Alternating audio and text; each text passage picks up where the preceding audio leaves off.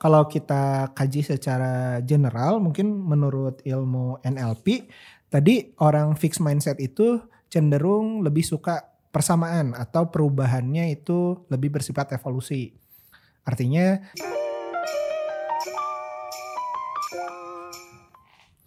Oke, uh, kembali lagi bersama saya Salman uh, pada Tanya Yumin kali ini.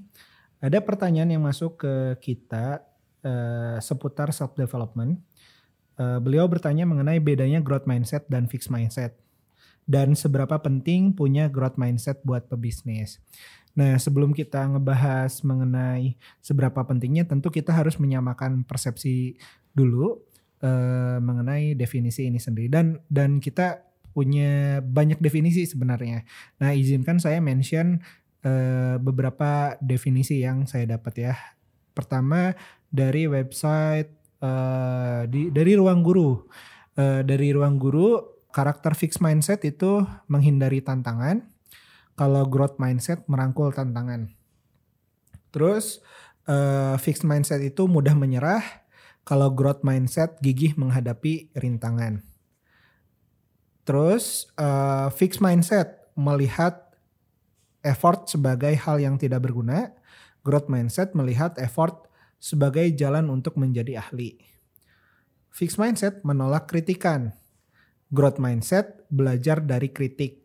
Terus untuk fixed mindset merasa terancam oleh kesuksesan orang lain, sedangkan growth mindset adalah belajar dan mencari inspirasi dari kesuksesan orang lain. Nah, dari referensi lain yang saya dapat, ini misalnya dari Glens ya, perbedaan karyawan yang memiliki fixed mindset dan growth mindset. Untuk karyawan yang punya fixed mindset adalah orang-orang yang melihat bahwa kualitas mereka bersifat tetap yang tidak dapat diubah. Sedangkan growth mindset adalah orang-orang yang percaya bahwa kesuksesan mereka bergantung pada usaha dan waktu. Fixed mindset dari definisi Glens percaya bahwa hanya dengan memiliki bakat sudah cukup untuk membawa mereka pada kesuksesan. Growth mindset, bakat dan kecerdasan dapat dikembangkan dengan usaha dan ketekunan. Terus, Fixed mindset sendiri menghindari tantangan atau pekerjaan yang sulit. Sedangkan growth mindset menerima tantangan, bertahan ketika melewati rintangan, belajar dari kritik, dan selalu e, mencari inspirasi. Fixed mindset itu terintimidasi oleh orang-orang dan project yang sukses. Sedangkan growth mindsetnya mereka terinspirasi oleh orang-orang e, dan project yang sukses. Terus untuk fixed mindset, saran dan masukan sama dengan kritik dan merupakan tanda kegagalan. Sedangkan untuk growth mindset, saran dan masukan sama dengan kesempatan untuk berkembang dan menjadi lebih baik. Nah dari saya sendiri ini dua-duanya bersifat netral. Mau fixed mindset silahkan, mau growth mindset silahkan. Tergantung konteksnya.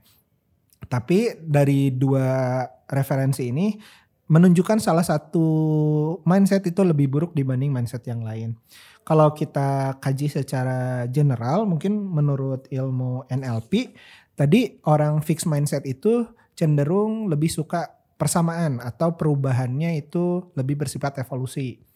Artinya eh, perubahan yang dia alami tidak mau revolusioner. Apakah itu salah? Belum tentu ya. Untuk orang-orang yang butuh aktivitas atau pekerjaan yang sama terus mungkin eh, cara pandang ini lebih pas. Terus di growth mindset tadi uh, mereka cenderung dinamis atau siap dengan perbedaan. Itulah yang disebut revolusioner gitu.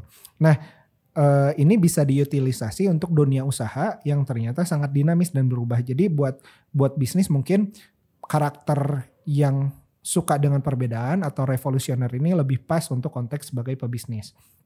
Terus uh, fixed mindset tadi uh, cenderung menghindari pain atau moving away, menghindari sesuatu, di mana sebenarnya karakter ini tidak salah sama sekali. Uh, pada kon beberapa konteks tertentu karakter ini justru dibutuhkan. Misalnya dalam memilih rumah, menghindari rumah yang bocor dan kan gak ada masalah. Menghindari rumah yang banjir gak ada masalah walaupun motivasinya justru menghindari sesuatu. Nah, tapi uh, pada konteks pebisnis ternyata uh, yang moving toward atau yang mendekati yang pengen menggapai sesuatu itu lebih pas karakternya. Jadi dia punya punya stimulus justru di dalam dirinya untuk mencapai satu target. Kurang lebih seperti itu. Nah, kalau buat pebisnis juga uh, penting punya pendirian. Kalau tadi kan saya baca uh, di definisi fixed mindset, mereka menjadikan uh, pihak eksternal itu sebagai bahan intimidasi uh, dan juga merupakan kritik kalau misalnya ada kegagalan yang terjadi dan sebagainya. Nah orang yang uh, growth mindset melihatnya sebagai bentuk motivasi. Kalau di NLP mungkin mau gimana pun mereka nggak nggak perlu motivasi dari luar. Ada yang disebut namanya karakter internal. Jadi dari dalam dirinya saja sudah punya uh, driven gitu. Jadi tidak perlu di mendengar pendapat orang lain, dia punya pendapat sendiri untuk mengambil keputusan. Nah itu juga pada konteks pengusaha karakter ini lebih pas. Jadi saya melihat beberapa definisi justru cenderung fixed mindset ini tidak lebih baik dibanding growth mindset. Dan dari sisi stereotype pengusaha sebenarnya uh, aspek growth mindset ini lebih pas karena dia uh, cenderung dinamis, cenderung ingin menggapai sesuatu dan melihat uh, persaingan itu sebagai uh, kondisi yang sehat untuk mereka. Kurang lebih seperti itu. Mudah-mudahan uh, kalau teman-teman pebisnis uh, bisa memposisikan diri dalam konteks berbisnis lebih ke arah growth mindset. Kayak gitu teman-teman. Makasih ya.